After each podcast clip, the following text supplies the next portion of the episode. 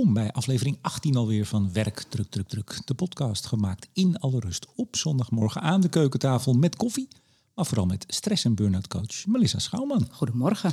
Goedemorgen Melissa, waar gaan we het over hebben? Over de maakbaarheid van succes. Nou, dat is eh, makkelijk. Dat is maakbaar. Ja. Als je maar een beetje je best doet, eh, lekker er tegenaan eh, en dan is alles mogelijk. Dus jij gelooft daar ook in. Nou, als jij dat zo zegt, dan denk ik dat ik daar niet zo in moet geloven. is succes maakbaar? Mm, nou, eh, niet in de, in de vorm waarin we het graag eh, eh, voor de bühne krijgen tegenwoordig. Mhm. Dus het, het, we zijn ermee aan de haal gegaan eigenlijk met dat, dat maakbaarheidsprincipe. Oké, en waarom wil je het er vandaag over hebben? Nou, omdat er een, een, een kantje, een schaduwkant aan, die maakbaarheids, aan het maakbaarheidsgeloof zit. Eh, want spanning en, en stress heeft daar vaak mee te maken. Eh, en ik hoor het vooral eh, vaak terug bij jonge mensen. Die, eh, die- zijn een beetje opgevoed met het idee... joh, jij kan alles worden wat je wil. De prinsjes en prinsesjes, Ja. de wereld ligt aan hun voeten. Precies. Alles is te doen. Je bent knal en het wordt knal en het is knal. En dat is niet zo. En dat is niet zo, dus het valt echt best vaak tegen. Mhm. En ja, jonge mensen beginnen daar ook ja, last van te krijgen, sowieso. Maar ook zich een beetje eh, ja, tegen af te zetten van ja, dat, dat, het, is gewoon niet zo. Mhm. Dus, eh, maar er is wel wat eh, mogelijk. Dus da- daar wil ik vandaag eens even wat helderheid over scheppen. Ja, ik vermoed dus dat jongeren ook in de stress schieten. Ja, ja die hebben daar last van. Die, nou, ik, ik ga er straks meer over vertellen natuurlijk. Wat, wat, wat dan maakt dat het stressvol is. Mhm. Maar eh, ja, een schaduwkant heb ik Zeker. ontdekt. Nou, voordat we dat gaan doen, voordat jij dat gaat doen, hebben we het toch even over de vorige aflevering. Jij had toen een vraag aan de luisteraars. En dan ja, is het toch altijd een beetje afwachten. Dan ga je toch bij de brievenbus zitten. Zijn, Ja. zijn er briefkaarten binnengekomen? Precies. En, en ja, ja. Ja, Ja? ja. we hebben antwoord gekregen. ja wat, wat was de vraag?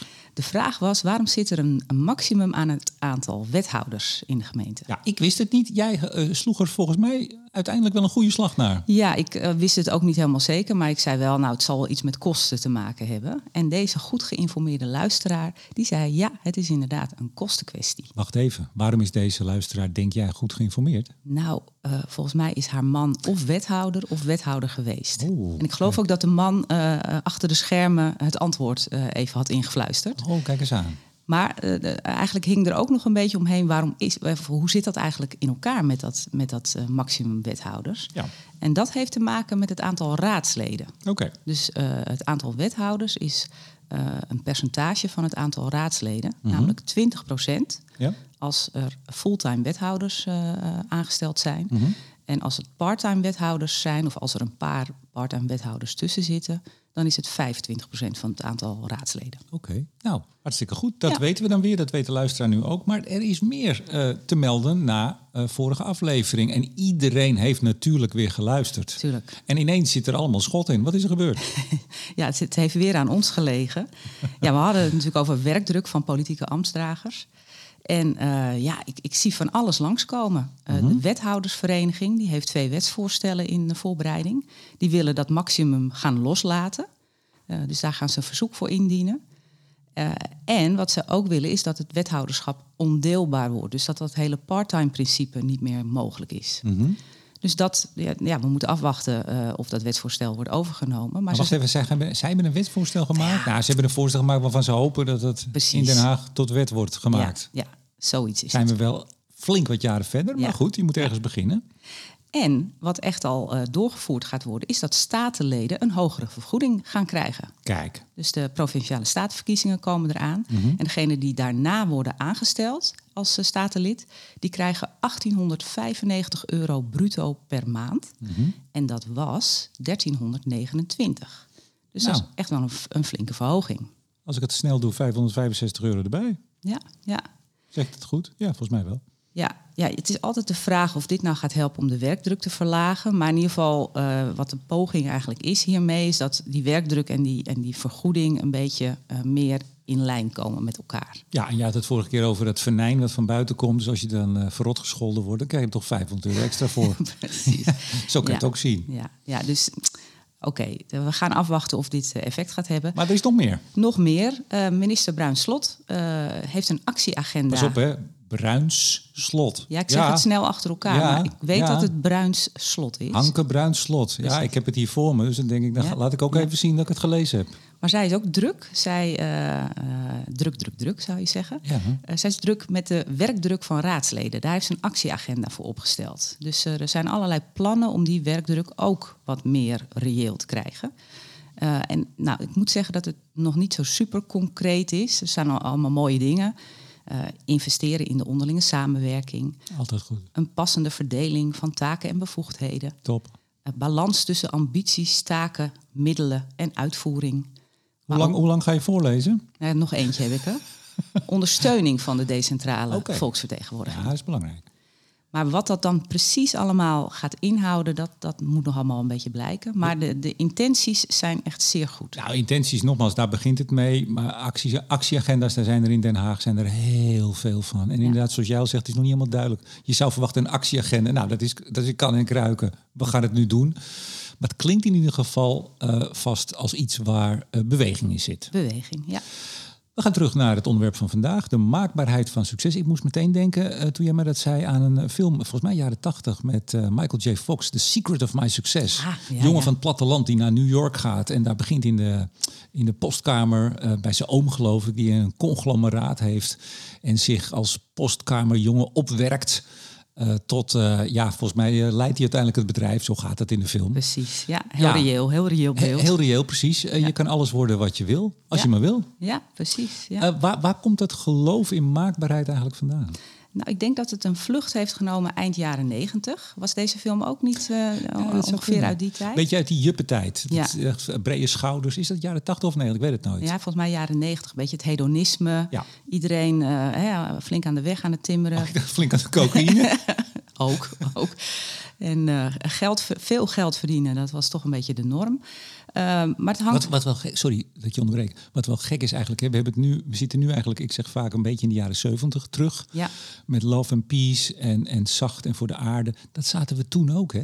Eh, De jaren 70. Ja. En, en, en als je zag wat er in de jaren 80 kwam en in de jaren 90 eroverheen. Dat soort ontwikkelingen kunnen dus ook gewoon weer wegzakken. als we tien jaar verder zijn, ben ik heel benieuwd hoe we Ja. dan terugkijken naar deze tijd. Sorry, ga door. Ja, ja. Nee, eh, eh, eind jaren negentig was de opkomst van de positieve psychologie. Hmm. En eh, die positieve psychologie, daarvan zijn grondleggers Martin Seligman en Mihai Csikszentmihalyi, een Hongaars-Amerikaanse psycholoog. Hoe lang heb je op die naam geoefend? Ja, ik heb best wel even geoefend, ja, ja. En dan weet ik nog niet helemaal zeker of ik het helemaal precies goed uitspreek. Ja, Mihai Csikszentmihalyi. Ja, Ja. Eh, dus beide zijn dat eh, psychologen. En de een van Hongaarse afkomst eh, en de ander Amerikaans. ja.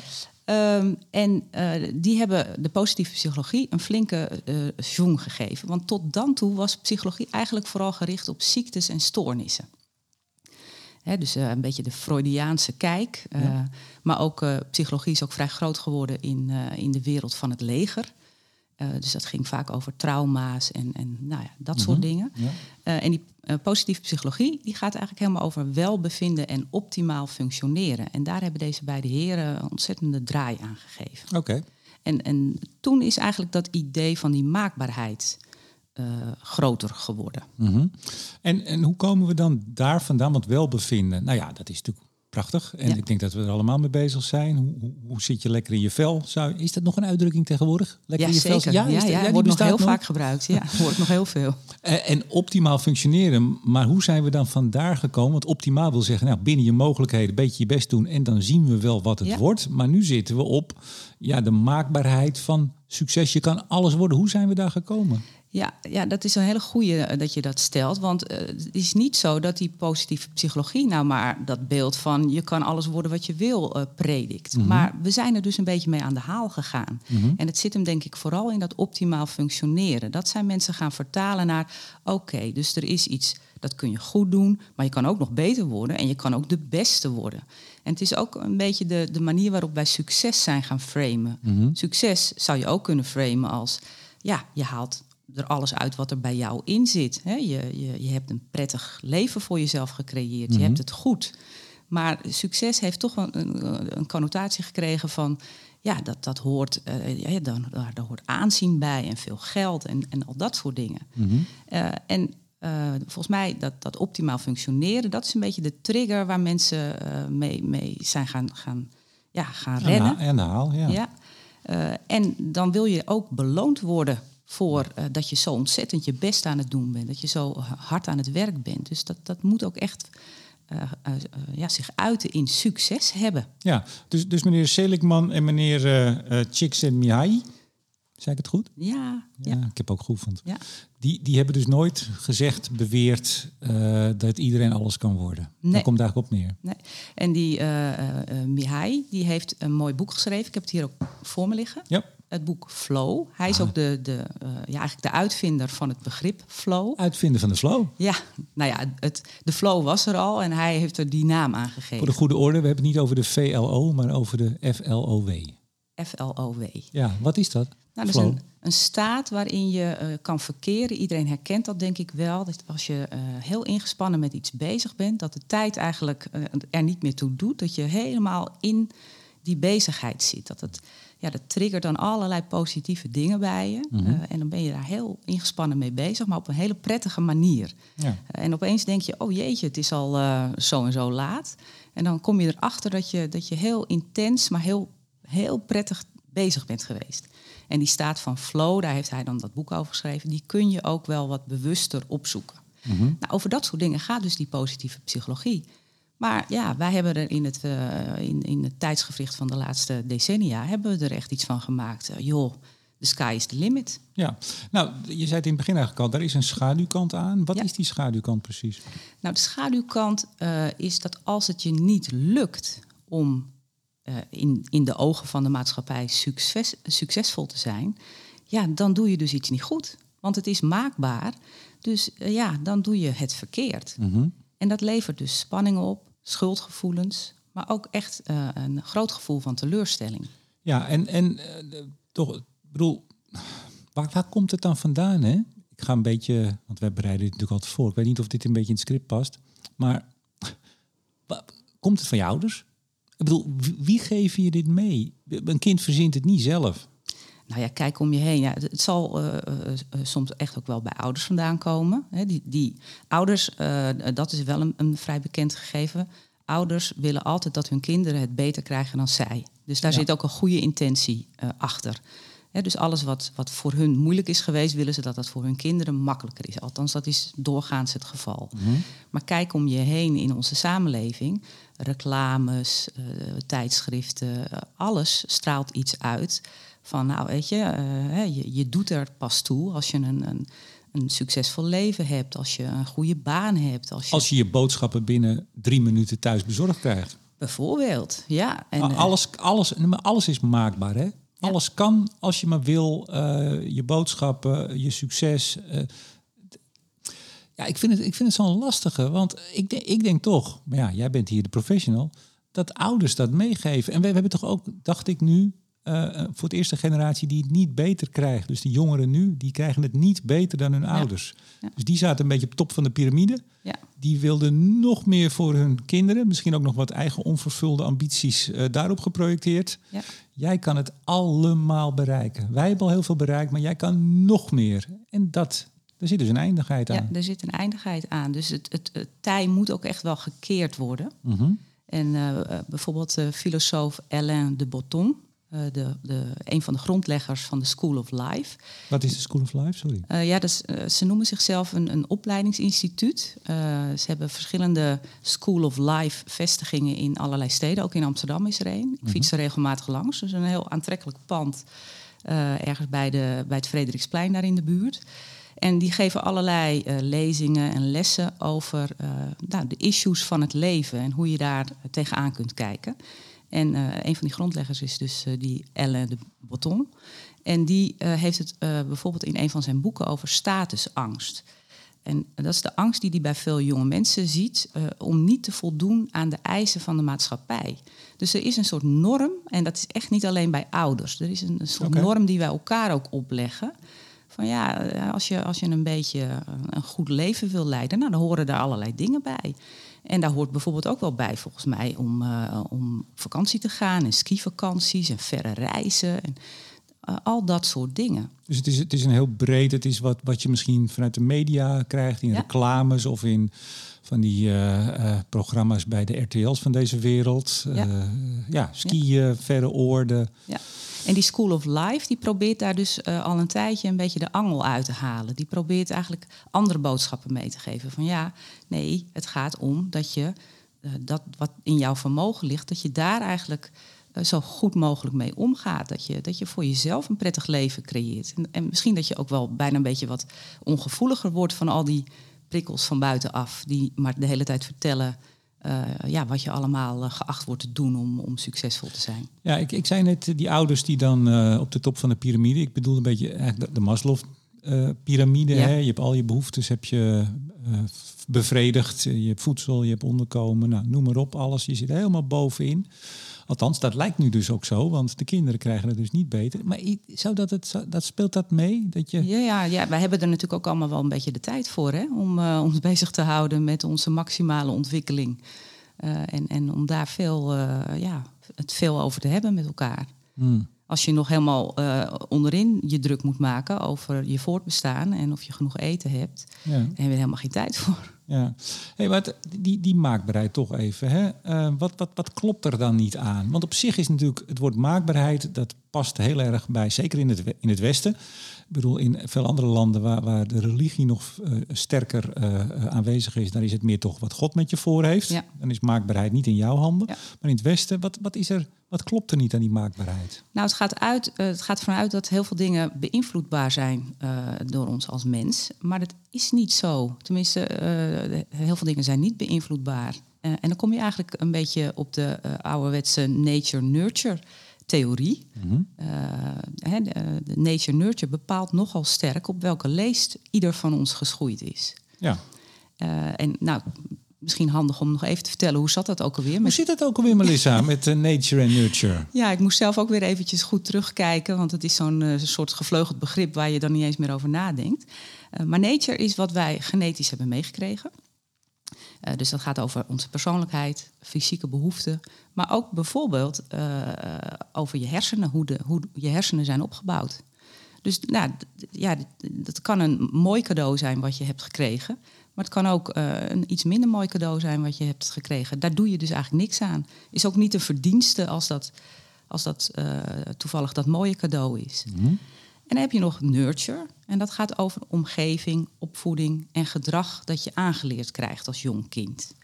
Dus daar eh, heb je als, zeker als jong kind niet veel invloed op. Nee, Dat is gewoon, ja, waar stond je wieg en, en hoe ging dat? ja.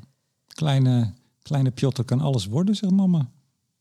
Ja, Ja, Daar, zit je, daar zit je dan mee. Dat krijg je dan met neurtje erin gelepeld. ja. En, en dan- dan zit je 15 jaar later en, en dan moet je een vakkenpakket kiezen. Of hoe gaat het tegenwoordig? En nou ja, dan kan je alles worden. Ja. Heeft mama altijd gezegd. Ja. En papa ook. ja, dat geeft spanning. Want papa die was niet zo heel ver gekomen, althans.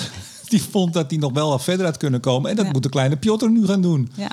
Eh, maar zo zijn er natuurlijk ook mensen die in een hele andere omstandigheid eh, zijn, zijn opgegroeid. Waar het helemaal niet zo de teneur was van je kan alles worden wat je wil. Die hebben weer iets anders wat ze, wat ze moeten overwinnen. Hoe ging het bij jou thuis? Hoe, hoe, hoe deden jouw ouders dat? Nou ja, ik, ik denk dat ik wel kan zeggen dat ik een, een goed cadeau heb gekregen. Dus de, eh, dat mijn omstandigheden, zonder dat het mijn verdienste is, eh, behoorlijk goed zijn geweest. Dat is de, de nature. Eh, ja, ja nature. maar ook de nurture. dus aanmoediging, mogelijkheden die gecreëerd werden. Maar ook wel, er zat ook wel iets van angst in bij mijn ouders. Dus die, eh, eh, die hadden wel zoiets van, doe ook maar voorzichtig. En dat voel ik nog altijd wel in mijn eigen weg. Dat ik zelf ook iemand ben die, nou, ja, nog even de kat uit de boom kijken. Even voorzichtig, voorzichtig. Maar ik, ja, ik heb wel mijn stapjes gemaakt. Maar, maar dat is ook eh, wel die generatie, denk ik dan. Eh, ook mijn ouders geboren voor de Tweede Wereldoorlog. Eh, ik, ging, ik wilde naar de, toen nog de TH, de Technische Hogeschool, inmiddels de TU Delft. En toen zei mijn moeder, oh jongens, zou je, zou je dat nou wat doen? Die was ook bang, zat ook angst in. Ja. Want ik was ook de eerste die ging studeren in de familie. Ja. En is, is de Technische Hogeschool, dat was ook in Amsterdam, waar ik woonde. Dan kon ik thuis blijven. Uh, is, maar dat is toch ook al mooi. Ik zei, nou ja, ik, ik ga die TH, TU proberen. Want ik had inmiddels begrepen dat als het daar niet lukt, dan kon je in de HTS kon je gewoon meteen hoger instromen. Terwijl Oh als je eerst de HTS deed, dan moest je weer helemaal onderaan beginnen bij de TH. Ik zat dus in het eerste jaar als klein mannetje, zat ik daar met uh, mannen die al een HTS-diploma hadden. Toen dacht ik, nou, ik heb er volgens mij wel verstandig aan gedaan. Terug is altijd makkelijker. Burger. Een berekenende burger was jij toen had ik, had ik meegekregen. Ja. Had ik ja. meegekregen, nature nurture. Ja, ja, nee, maar die, die angst en toch ook van, nou, dit is al prachtig van uh, een generatie voor, voor de Tweede Wereldoorlog. Hard geknokt bij de wederopbouw. Ja. Ja. Met gezin en banen en et cetera. Ja. die hadden een hele andere houding dan uh, wat nu de ouders zijn. Of wat de afgelopen jaar denk ik de ouders waren. Ja. Die ja. al, zoals wij, ja, meer konden bereiken dan onze ouders. Ja, ja en, en je, uh, je schetst het net al. Ja, je zou kunnen zeggen, er is op een gegeven moment ook wel een plafond aan wat er allemaal nog mogelijk is. En de vraag ook, hè, want succes is één ding, maar uh, gelukkig kunnen worden is een ander ding. En, en die balans is nu een beetje uh, zoek. Zei mijn moeder ook altijd. Als je maar gelukkig bent, jongen. Ja, ja. Ja. Hey, wat, wat klopt er wel aan die maakbaarheid? Ja, want ik, ik zei al, uh, er is wel wat mogelijk. Hè? Dus het is niet zo... Uh... Gelukkig, anders, anders kapt iedereen een mening. Nou, ik kan toch niks aan doen. Nee, precies. precies. En uh, sommige dingen zijn ook wel eens eerder aan de orde gekomen in deze podcastserie. gedrag hebben we het wel vaker over gehad. Hè? gedrag is veranderbaar. Alleen je moet niet verwachten dat je hele grote stappen daarin kan maken. Wat, dus... wat, wat voor gedrag bijvoorbeeld dan? nou, noem eens wat. uithoudingsvermogen, doorzettingsvermogen. Als je vindt dat je, dat, dat je te weinig doorzettingsvermogen hebt, ja, dan kan je zeggen, ja, ik ga, ik ga nu echt, dit jaar ga ik heel veel doorzettingsvermogen mm -hmm. ga ik tonen. Ja.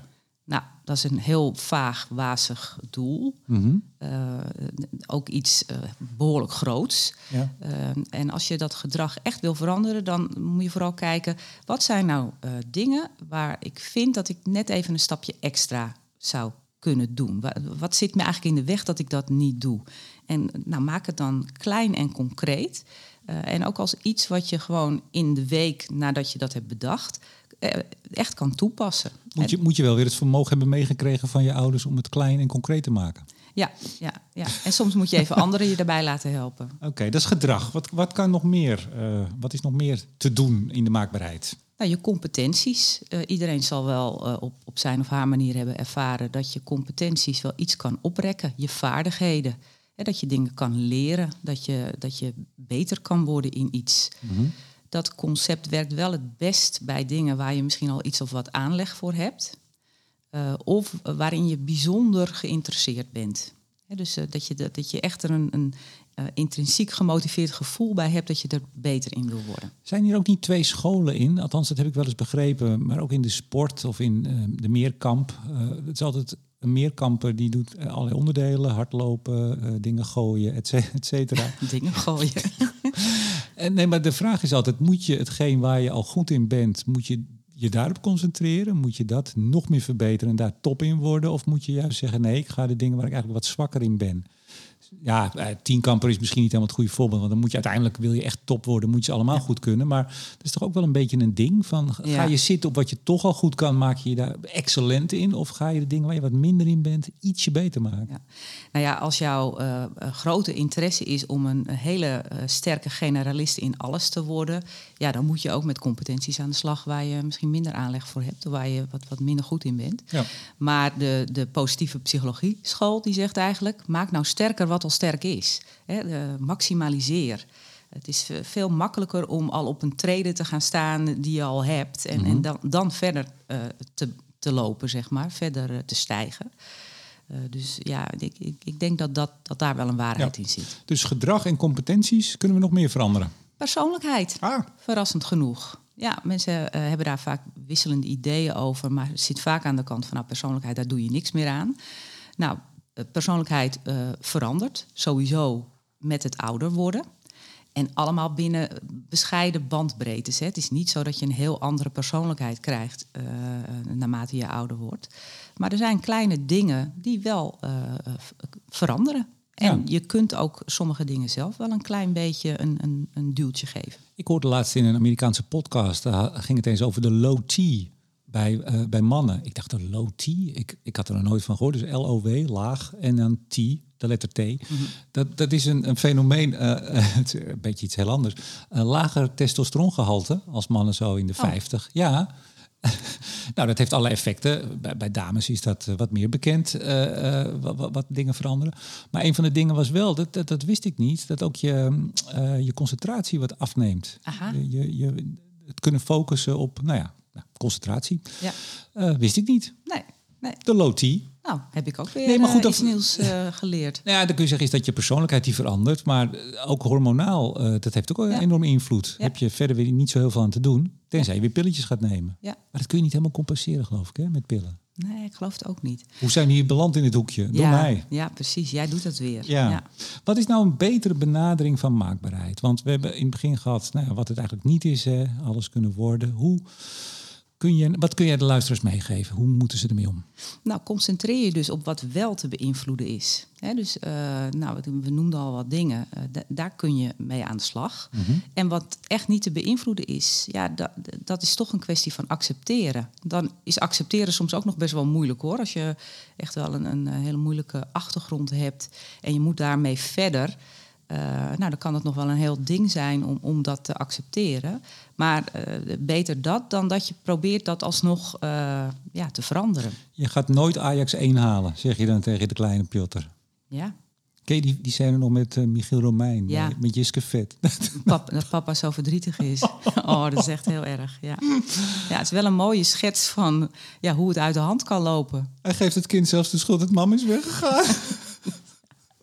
Ja, dat is echt heel erg. Gaan we, gaan we een keer uitgebreid bespreken. Daar zou je volgens mij een hele aflevering kunnen wijden. Ja. Wat daarin gestopt is Ja. in die scène. Voor mensen die het leuk vinden, zoek het even op. Eh Jiske Vet. Wat zal het zijn? Voetbal, zoontje? Ja, Zoekwoorden, ik denk ik dat je hem dan al krijgt. Maar hij is volgens mij heel populair. Goed, dus concentreer je of, of nou, kijk vooral wat je wel kan. En accepteer. Ja, accepteren, daar gaat het om. Acceptatie. Ik Ja. zal nooit Ajax 1 halen. En dat is oké. Ja, ja. En ik kan gelukkig worden in, eh, in eh, een lagere, eh, ja, hoe noem je dat? Een lagere Elftal. elftal. Ja. Ja. Ehm, wees ook reëel over de bandbreedte waarin je dingen kan veranderen. Dus, dus wat ik net schetste over gedrag, en competenties en persoonlijkheid. Ja, daar, daar is rek in mogelijk. Maar ja, wees reëel dat dat niet oneindig is. Maar ja, hoe, vind, hoe vind je die bandbreedte? Dat, dat is natuurlijk de grote Ja. zoektocht. En er zijn natuurlijk altijd enorme uitzonderingen op deze regel. Mensen die echt boven alles uitstijgen. Echt een soort superknaltalenten. Mensen die uit een hele eh, bizarre achtergrond eh, ontzettend hoog zijn gerezen. Eh, ja, die, die voorbeelden zijn er ook. Daar wil ik ook helemaal niks aan afdoen. Maar als we ons daar allemaal blind staren... Ja, dus dat heb, wij zitten niet allemaal zo in elkaar. Nee, en in Amerika eh, zetten ze die op een voetstuk. En in Nederland hebben we meestal een hekel aan dat soort types. Ja, ja wij, wij gaan daar wel eens een beetje wat wisselend mee om. Ja. Dat zeg je netjes. Ja, nee, dat, dat confronteert ons misschien toch te veel met onze eigen Gebrek. eh, beperkingen. Ja. Ehm, wat je sowieso kunt beïnvloeden, hoe dan ook, is hoe je met situaties omgaat in je leven. Hè, dus de, de coping is hier vaak ook wel eh, een, een eh, onderwerp in, eh, in stress en burn-out. Het is niet wat, wat je overkomt, maar hoe je ermee omgaat. Hoe je ermee omgaat.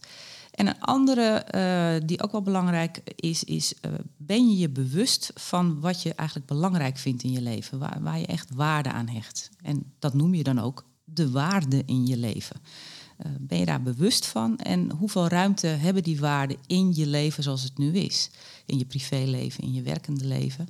Eh, want wat ook wel bekend is dat als mensen meer plek geven aan die waarden, dat, dat, dat ze dan ook een, een, een algeheel eh, beter en gelukkiger gevoel daarmee bij zichzelf kunnen stimuleren. Ja, maar die waarde is dus niet, ik wil een hele grote, dikke, vette Mercedes. Nee, Het vaak gaat gaat, wel echt over ja, gaat wel over zachtere. zachtere dingen. Ja, Ja.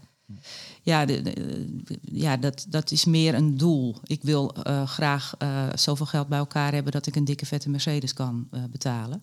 Terwijl een waarde is meer. ja, een, een waarde die daarbij past zou kunnen zijn. Ik wil graag een, een, inderdaad een succesvol leven wat anderen kunnen zien. Ja, Ik wil anderen de ogen uitsteken. ja, Nee. ja. nee het, het gaat toch vaak wel om wat vind je echt belangrijk in je leven. Nou, volgens mij is dat een prachtig slot. Ja, toch? Ja. Ehm, als luisteraars nou opmerkingen hebben, eh, onze tips willen geven, eh, ja, jou vooral natuurlijk, voor nieuwe afleveringen, misschien eh, mij nog willen corrigeren op iets wat ik net gezegd heb. Op jou kan dat niet, jij hebt alles goed gezegd. Ik wil net zeggen, of ze zijn het helemaal niet met mijn hele relaas eens. Dat, dat kan ook. Hoe kunnen ze je dan bereiken? Nou, ik heb een heel makkelijk e-mailadres. info at Schouwman zonder W met OU. Precies. En dan kunnen ze misschien ook laten weten wat ze van je nieuwe column in Binnenlands Bestuur vinden. Ja, ja, ja, want die komt in het blad. Ja, Ja, ja want jij schrijft altijd online. En eh, nou, je bent eh, uitverkoren eh, aankomende week om in het blad te staan. Nou, dat, Ja. als ik een tromroffeltje had, dan liet ik die nu even horen. ja. Nee, maar is wel leuk, want daar heb je weer een heel ander bereik, denk ik. Ja, ik heb dat jaren geleden ook eens een keer gehad. Zo succesvol ben ik. Not.